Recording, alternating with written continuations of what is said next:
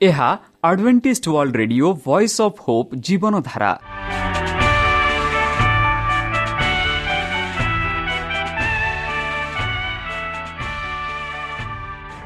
Odia radio କାର୍ଯ୍ୟକ୍ରମ ଯାହା ଆମର ଆନ୍ତର୍ଜାତୀୟ ଆଘାତ କେନ୍ଦ୍ରରୁ ପ୍ରସାରଣ କରାଯାଉଛି ପ୍ରତିଦିନ ରାତି ନଅଟା ତିରିଶ ମିନିଟ୍ରେ। ମୁଁ ସୁବ୍ରତ କୁମାର ପତି ପ୍ରେମର ସହ ଆପଣମାନଙ୍କୁ ଏହି କାର୍ଯ୍ୟକ୍ରମକୁ ସ୍ୱାଗତ କରୁଅଛି। ଚାଲନ୍ତୁ ଆଜିର ତିରିଶ ମିନିଟ୍ର କାର୍ଯ୍ୟକ୍ରମ ବିଷୟରେ ଜାଣିନେବା।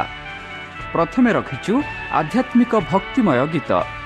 ଏହାପରେ ଶୁଣିବା ସ୍ୱାସ୍ଥ୍ୟ ବିଷୟରେ ଯାହା ଆମର ଦୈନିକ ଜୀବନରେ ଅତ୍ୟନ୍ତ ଜରୁରୀ। ଆଉ ପରିଶେଷରେ ଶୁଣିବା ପରମେଶ୍ୱରଙ୍କ ଭକ୍ତଙ୍କଠାରୁ ଜୀବନଦାୟକ ଈଶ୍ୱରଙ୍କ ବାକ୍ୟ। ପ୍ରିୟ ଶ୍ରୋତା ତାହେଲେ ଚାଲନ୍ତୁ ଶୁଣିବା ଏକ ଆଧ୍ୟାତ୍ମିକ ଭକ୍ତିମୟ ଗୀତ।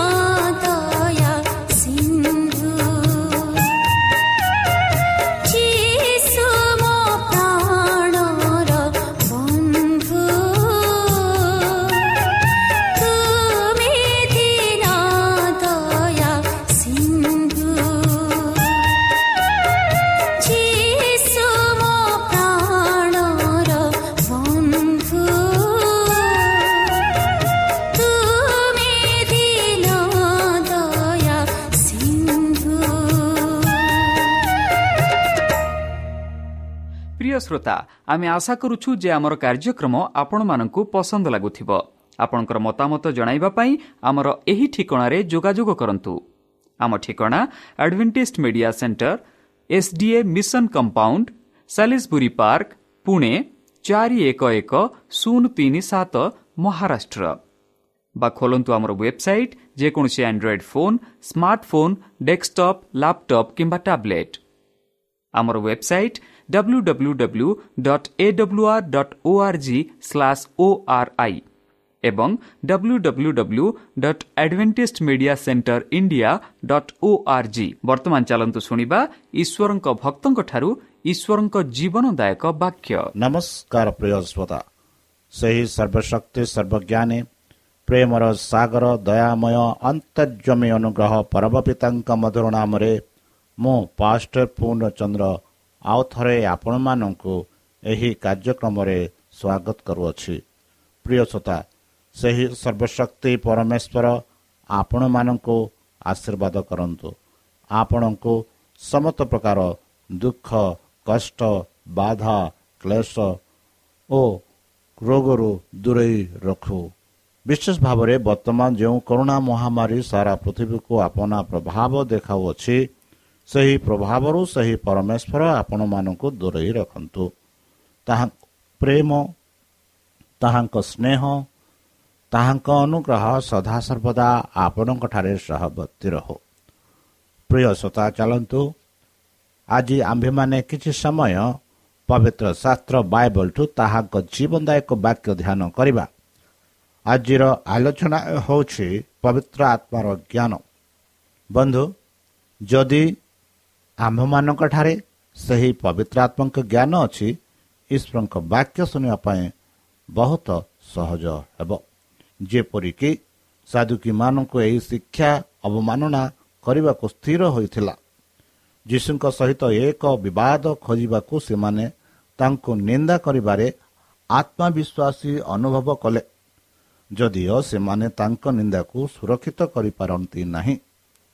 ପୁନରୁତ୍ଥାନ ହେଉଛି ସେହି ବିଷୟ ଯେଉଁମାନେ ସେମାନେ ତାଙ୍କୁ ପ୍ରଶ୍ନ କରିବାକୁ ବାଛିଥିଲେ ଯଦିଓ ସେମାନଙ୍କ ସହ ସହମତ ହୁଅନ୍ତି ତେବେ ସେ ଫାରୁସୀମାନଙ୍କୁ ଅଧିକ ଅପରାଧ କରିବେ।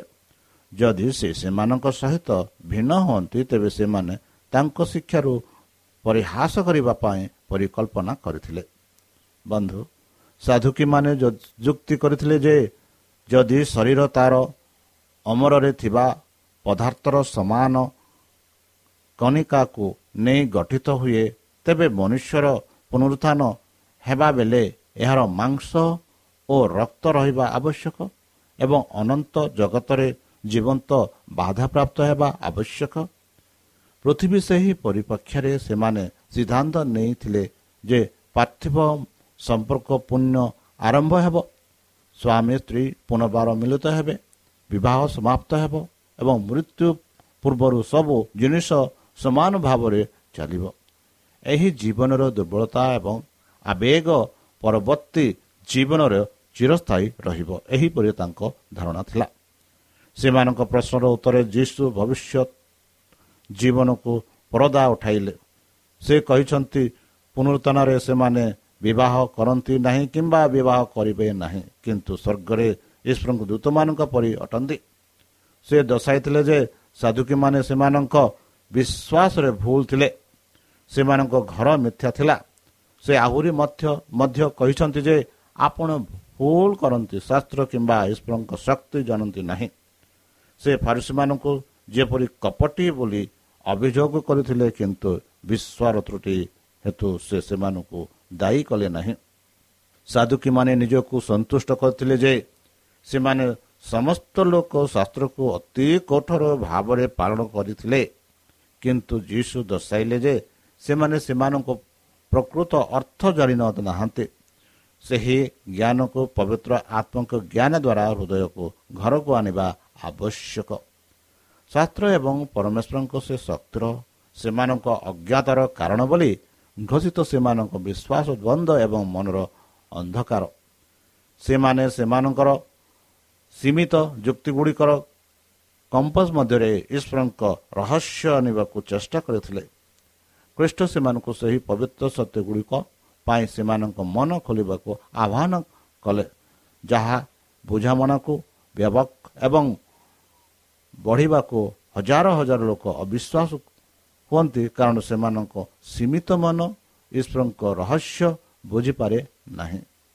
ସେମାନେ ତାଙ୍କ ପ୍ରଭିଲେନ୍ସ ବା ସେମାନଙ୍କ ଯୋଜନା ଈଶ୍ୱରୀୟ ଶକ୍ତିର ଚମତ୍କାର ପ୍ରଦର୍ଶନୀକୁ ବ୍ୟାଖ୍ୟା କରିପାରିବେ ନାହିଁ। ତେଣୁ ସେମାନେ ଏହିପରି ଶକ୍ତିର ପ୍ରମାଣକୁ ପ୍ରତ୍ୟାଖ୍ୟାନ କରନ୍ତି। ସେମାନଙ୍କୁ ପ୍ରାକୃତିକ ପ୍ରତିନିଧି ଦର୍ଶାଇଥାନ୍ତି ଯେ ଯାହାକୁ ସେମାନେ କମ୍ ବୁଝିପାରନ୍ତି। ଆମକୁ ଘେରୁ ରହିଥିବା ରହସ୍ୟର ଏକମାତ୍ର ଚାବି ହେଉଛି ସେମାନଙ୍କ ମଧ୍ୟରେ ଈଶ୍ୱରଙ୍କ ସମସ୍ତ ଉପସ୍ଥିତି ଏବଂ ଶକ୍ତି ସ୍ୱୀକାର କରିବା ପୁରୁଷମାନେ ଈଶ୍ୱରଙ୍କ ବ୍ରହ୍ମାଣ୍ଡ ସର୍ବ ସୃଷ୍ଟିକର୍ତ୍ତା ଭାବରେ ଚିହ୍ନିବା ଆବଶ୍ୟକ କରନ୍ତି ଯିଏ ସମସ୍ତ ବିଷୟର ଆଦେଶ ଦିଅନ୍ତି ଏବଂ କାର୍ଯ୍ୟକାରୀ କରନ୍ତି ସେମାନେ ତାଙ୍କ ଚରିତ୍ର ଏବଂ ତାଙ୍କ ପ୍ରତିନିଧି ରହସ୍ୟ ବିଷୟରେ ଏକ ବ୍ୟାପକ ଦୃଶ୍ୟ ଆବଶ୍ୟକ କରନ୍ତି ବନ୍ଧୁ କୃଷ୍ଟ ତାଙ୍କ ଶ୍ରୋତାମାନଙ୍କୁ ଘୋଷଣା କଲେ ଯେ ଯଦି ମୃତ୍ୟୁମାନଙ୍କ ପୁନରୁତ୍ଥାନ ନ ହୁଏ ତେବେ ଶାସ୍ତ୍ର ଯାହା ସେମାନେ ବିଶ୍ୱାସ କରନ୍ତି ବୋଲି କୌଣସି ଲାଭ ହେବ ନାହିଁ। ସେ କହିଲେ କିନ୍ତୁ ମୃତ୍ୟୁମାନଙ୍କ ପୁନରୁତ୍ଥାନ ସ୍ପର୍ଶ କରିବା ପରେ ତୁମମାନେ ପରମେଶ୍ୱରଙ୍କ ଦ୍ୱାରା ଯାହା କୁହାଯାଇଛି ତାହା ପଢ଼ିନାହଁ ମୁଁ ଅବ୍ରାହ୍ମରଙ୍କର ଇଶାଙ୍କର ପରମେଶ୍ୱର ଏବଂ ଜାକୁମଙ୍କର ପରମେଶ୍ୱର। ପରମେଶ୍ୱର ନୁହନ୍ତି ମୃତ୍ୟୁମାନଙ୍କର ପରମେଶ୍ୱର କିନ୍ତୁ ଜୀବିତମାନଙ୍କ ପରମେଶ୍ୱର ସେ କହିଲେ।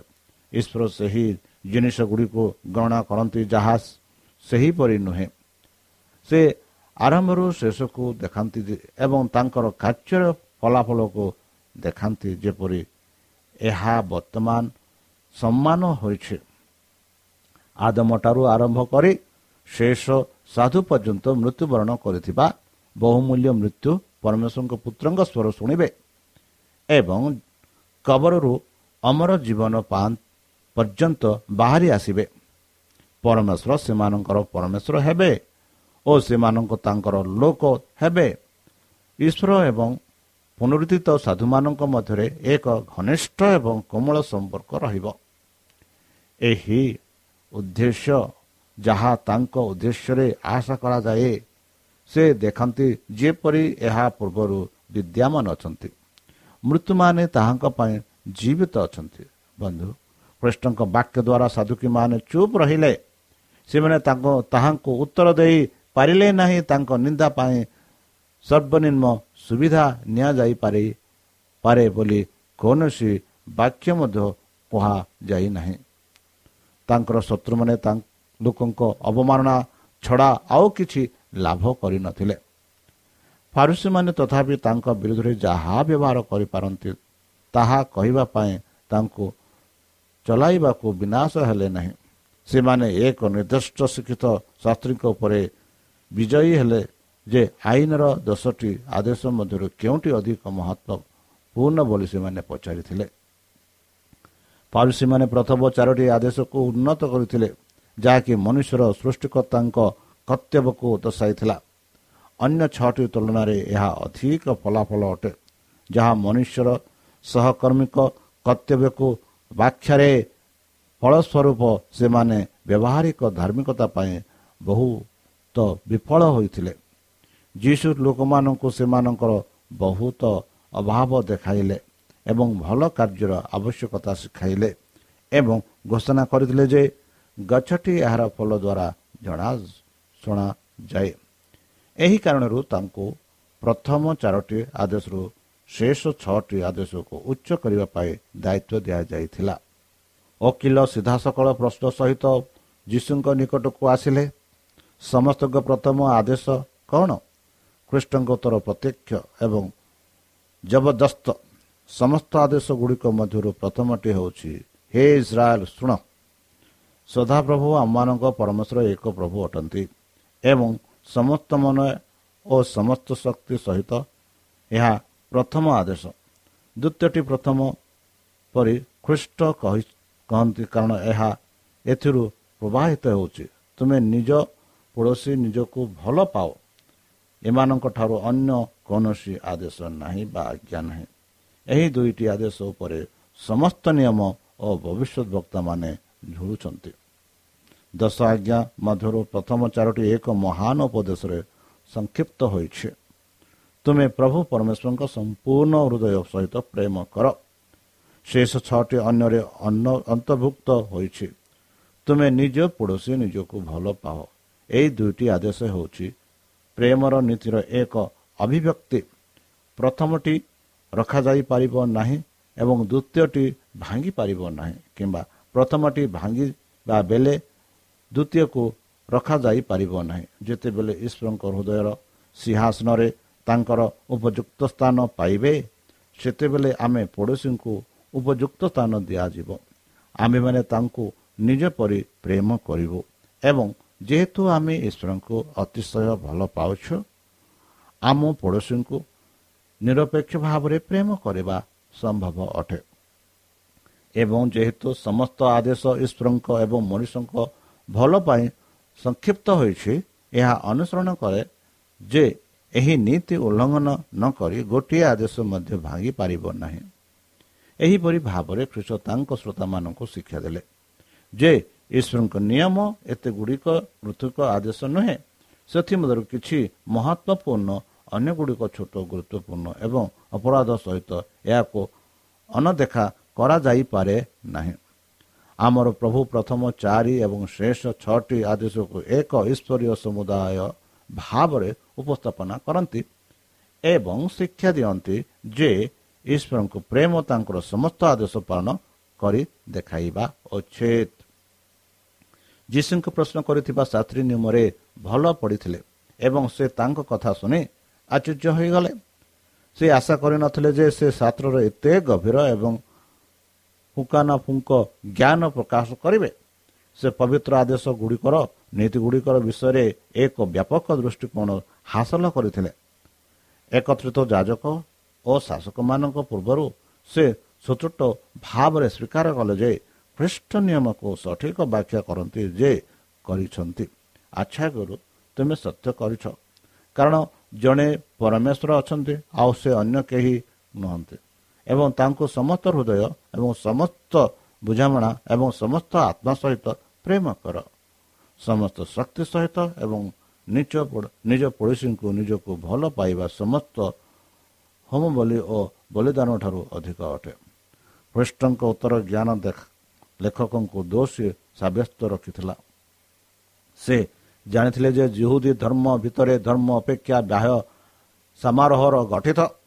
ସେ କେବଳ ଅନୁଷ୍ଠାନିତ ଅନୁଷ୍ଠାନିକ ନ ନୈବେଦ୍ୟ ମୂଲ୍ୟହୀନତା ଏବଂ ପାପର କ୍ଷମା ପାଇଁ ଅବିଶ୍ୱାସନୀୟ ରକ୍ତ ଢାଲିବା ବିଷୟରେ କିଛି ଅନୁଭବ କରିଥିଲେ। ଈଶ୍ୱରଙ୍କ ପ୍ରତି ପ୍ରେମ ଏବଂ ଆଜ୍ଞା ଏବଂ ମନୁଷ୍ୟ ପ୍ରତି ନିଷ୍ପଥର ସମ୍ମାନ ଏହି ସମସ୍ତ ରୀତିନୀତି ଅପେକ୍ଷା ତାଙ୍କୁ ଅଧିକ ମୂଲ୍ୟବାନ ଦେଖାଗଲା। କୃଷ୍ଣଙ୍କ ଯୁକ୍ତର ସଠିକ ତର୍କକୁ ସ୍ୱୀକାର କରିବାକୁ ଏହି ବ୍ୟକ୍ତିଙ୍କ ପ୍ରସ୍ତୁତି ଏବଂ ଲୋକଙ୍କ ଆଗରେ ତାଙ୍କ ସ୍ଥିର ଏବଂ ଦ୍ୱିତୀୟର ପ୍ରତିକ୍ରିୟା ପୁରୋହିତ ଏବଂ ଶାସକମାନଙ୍କର ସମ୍ପୂର୍ଣ୍ଣ ଭିନ୍ନ ଏକ ଆତ୍ମା ପ୍ରଦର୍ଶନ କଲା। ଯୀଶୁଙ୍କ ହୃଦୟ ସୁଚୋଟ ଶାସ୍ତ୍ରୀଙ୍କ ପ୍ରତି ଦୟା ଦେଖାଇଗଲା। ଯିଏ ଯାଜକଙ୍କ ମାନଙ୍କ ଭ୍ରାନ୍ତି ଏବଂ ତାଙ୍କ ହୃଦୟରେ ବିଶ୍ୱାସ କରିବା ପାଇଁ ଶାସକମାନଙ୍କ ଧମକକୁ ସାମନା କରିବାକୁ ସାହସ କଲା। ଯୀଶୁ ଦେଖିଲେ ଯେ ସେ ଚତୁର୍ଥର ସହ ଉତ୍ତର ଦେଲେ। ଯୀଶୁ ତାହାକୁ କହିଲେ ଶାସ୍ତ୍ରୀ ଈଶ୍ୱରଙ୍କ ରାଜ୍ୟ ନିକଟରେ ଥିଲେ କାରଣ ସେ ଧାର୍ମିକ କାର୍ଯ୍ୟଗୁଡ଼ିକୁ ପଢ଼ି ନ ନଲି ଓ ବଳିଦାନ ଅପେକ୍ଷା ଈଶ୍ୱରଙ୍କ ନିକଟରେ ଗ୍ରହଣୀୟ ବୋଲି ଜାଣିଥିଲେ। କିନ୍ତୁ ସେ ଖ୍ରୀଷ୍ଟଙ୍କ ଈଶ୍ୱର ଚରିତ୍ର ଚିହ୍ନିବା ଆବଶ୍ୟକ କରନ୍ତି ଏବଂ ତାଙ୍କଠାରେ ବିଶ୍ୱାସ ଦ୍ୱାରା ଧାର୍ମିକ କାର୍ଯ୍ୟ କରିବାକୁ ଶକ୍ତି ପ୍ରାପ୍ତ ହୁଏ। ଜୀବନ୍ତ ବିଶ୍ୱାସ ଦ୍ୱାରା କୃଷ୍ଣଙ୍କ ସହିତ ସଂଯୁକ୍ତ ନ ହେବା ପର୍ଯ୍ୟନ୍ତ ରୀତିନୀତି ସେବା କୌଣସି ମୂଲ୍ୟ ନଥିଲା। ନୈତିକ ନିୟମ ମଧ୍ୟ ଏହାର ଉଦ୍ଦେଶ୍ୟରେ ବିଫଳ ହୁଏ। ଯେପର୍ଯ୍ୟନ୍ତ ଏହା ତ୍ରାଣକର୍ତ୍ତା ସହିତ ସମ୍ପର୍କରେ ବୁଝାପଣା ନାହିଁ ଖ୍ରୀଷ୍ଟ ବାରମ୍ବାର ଦର୍ଶାଇଥିଲେ ଯେ ତାଙ୍କ ପିତାଙ୍କ ନିୟମ କେବଳ ପ୍ରାର୍ଥୀକୃତ ଆଦେଶ ଠାରୁ ଅଧିକ ଗଭୀର ଅଟେ। ନିୟମରେ ସେହି ସମାନ ନୀତି ଧାରଣା କରାଯାଇଛି ଯାହା ସୁସମାଚାରରେ ପ୍ରକାଶିତ ହୋଇଛି। ନିୟମ ମନୁଷ୍ୟର କର୍ତ୍ତବ୍ୟକୁ ଦର୍ଶାଏ ଏବଂ ତାଙ୍କୁ ନିଜର ଦୋଷ ଦର୍ଶାଏ ପୃଷ୍ଠଙ୍କ ନିମନ୍ତେ ସେ କ୍ଷମା ପ୍ରାର୍ଥନା କରିବା ଉଚିତ ଏବଂ ନିୟମ ଯାହା କରିବାକୁ ଆଜ୍ଞା କରେ ବନ୍ଧୁ ସେ ଖ୍ରୀଷ୍ଟଙ୍କ ପ୍ରଶ୍ନର ଉତ୍ତର ଦେବା ବେଳେ ଫରୁସିମାନେ ଯୀଶୁଙ୍କ ବିଷୟରେ ଏକତ୍ରିତ ହୋଇଥିଲେ ବର୍ତ୍ତମାନ ସେ ସେମାନଙ୍କୁ ଏକ ପ୍ରଶ୍ନ ପଚାରିଲେ ପୃଷ୍ଠଙ୍କ ବିଷୟରେ ତୁମେ କ'ଣ ଭାବୁଛ ସେ କାହାର ପୁତ୍ର ଏହି ପ୍ରଶ୍ନ ଖ୍ରୀଷ୍ଟଙ୍କ ବିଷୟରେ ସେମାନଙ୍କ ବିଶ୍ୱାସକୁ ପରୀକ୍ଷା କରିବାକୁ କରିବା ପାଇଁ ପରିକଳ୍ପନା କରାଯାଇଥିଲା।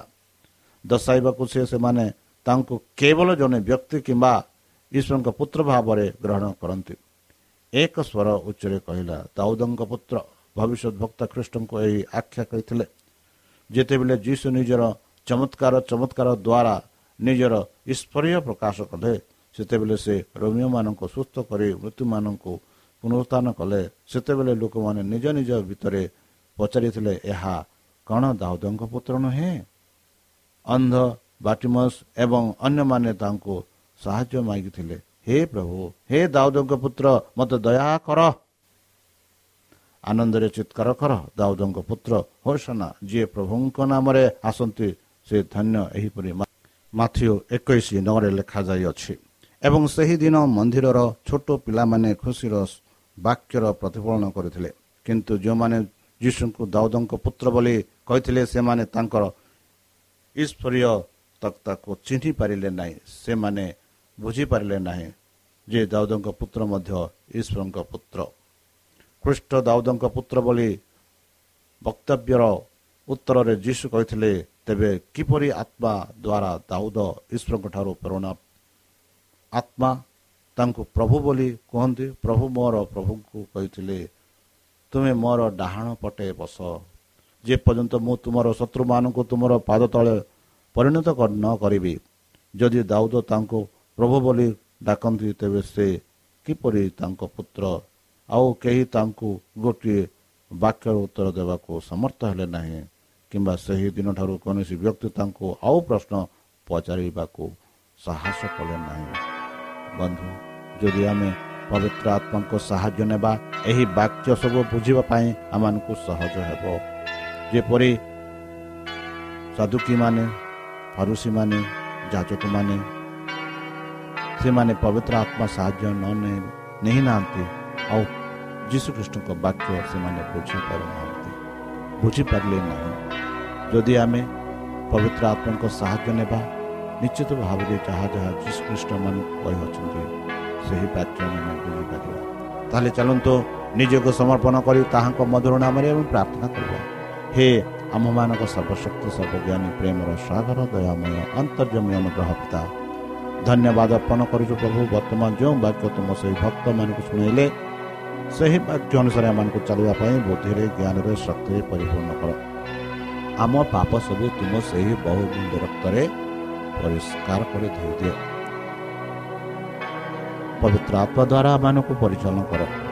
ବର୍ତ୍ତମାନ ଯେଉଁ କରୋନା ମହାମାରୀ ସାରା ପୃଥିବୀକୁ ଆପଣା ପ୍ରଭାବ ଦେଖାଉଛି ସେହି ପ୍ରଭାବକୁ ଆମମାନଙ୍କୁ ଦୂରେଇ ରଖ। ଆଉ ପରିଶେଷ ଯେବେ ତୁମେ ତୁମ ସେହି ସହସ୍ରଦୂତଙ୍କ ସହ ଆପଣ ସାଧୁମାନଙ୍କୁ ସଂଗ୍ରହ କରିବା ନିମନ୍ତେ ଆସିବେ ସେତେବେଳେ ଏମାନଙ୍କୁ ଏକ ବାସ ସ୍ଥାନ ଦେହ ପରି ତ୍ରାଣକର୍ତ୍ତା ପ୍ରଭୁ ଯୀଶୁଙ୍କ ମଧୁରମୟ ନାମରେ ଏହି ଛୋଟ ବିକ୍ଷେପ ଅଛି। 주니 그러므로 아멘.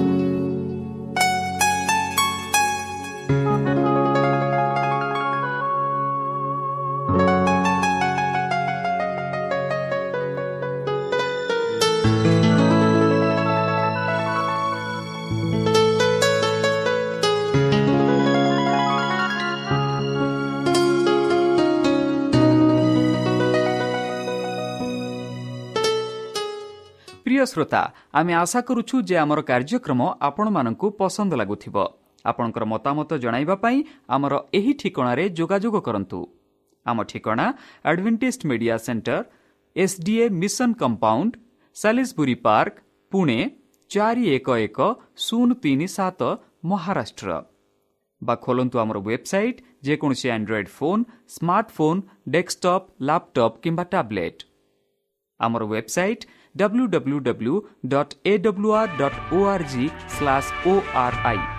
ଏବଂ www.adventistmediacenterindia dot O R G Adventist media centre ଇଣ୍ଡିଆର ସ୍ପେଲିଂ ହେଉଛି A D V E N T I S T M E D I A C E N T R E I N D I A ଅଥବା download କରନ୍ତୁ ଆମର mobile app ଆପଣଙ୍କର mobile play ଷ୍ଟୋରକୁ ଯାଆନ୍ତୁ ଆଉ type କରନ୍ତୁ the voice of hope ଆଉ download କରନ୍ତୁ।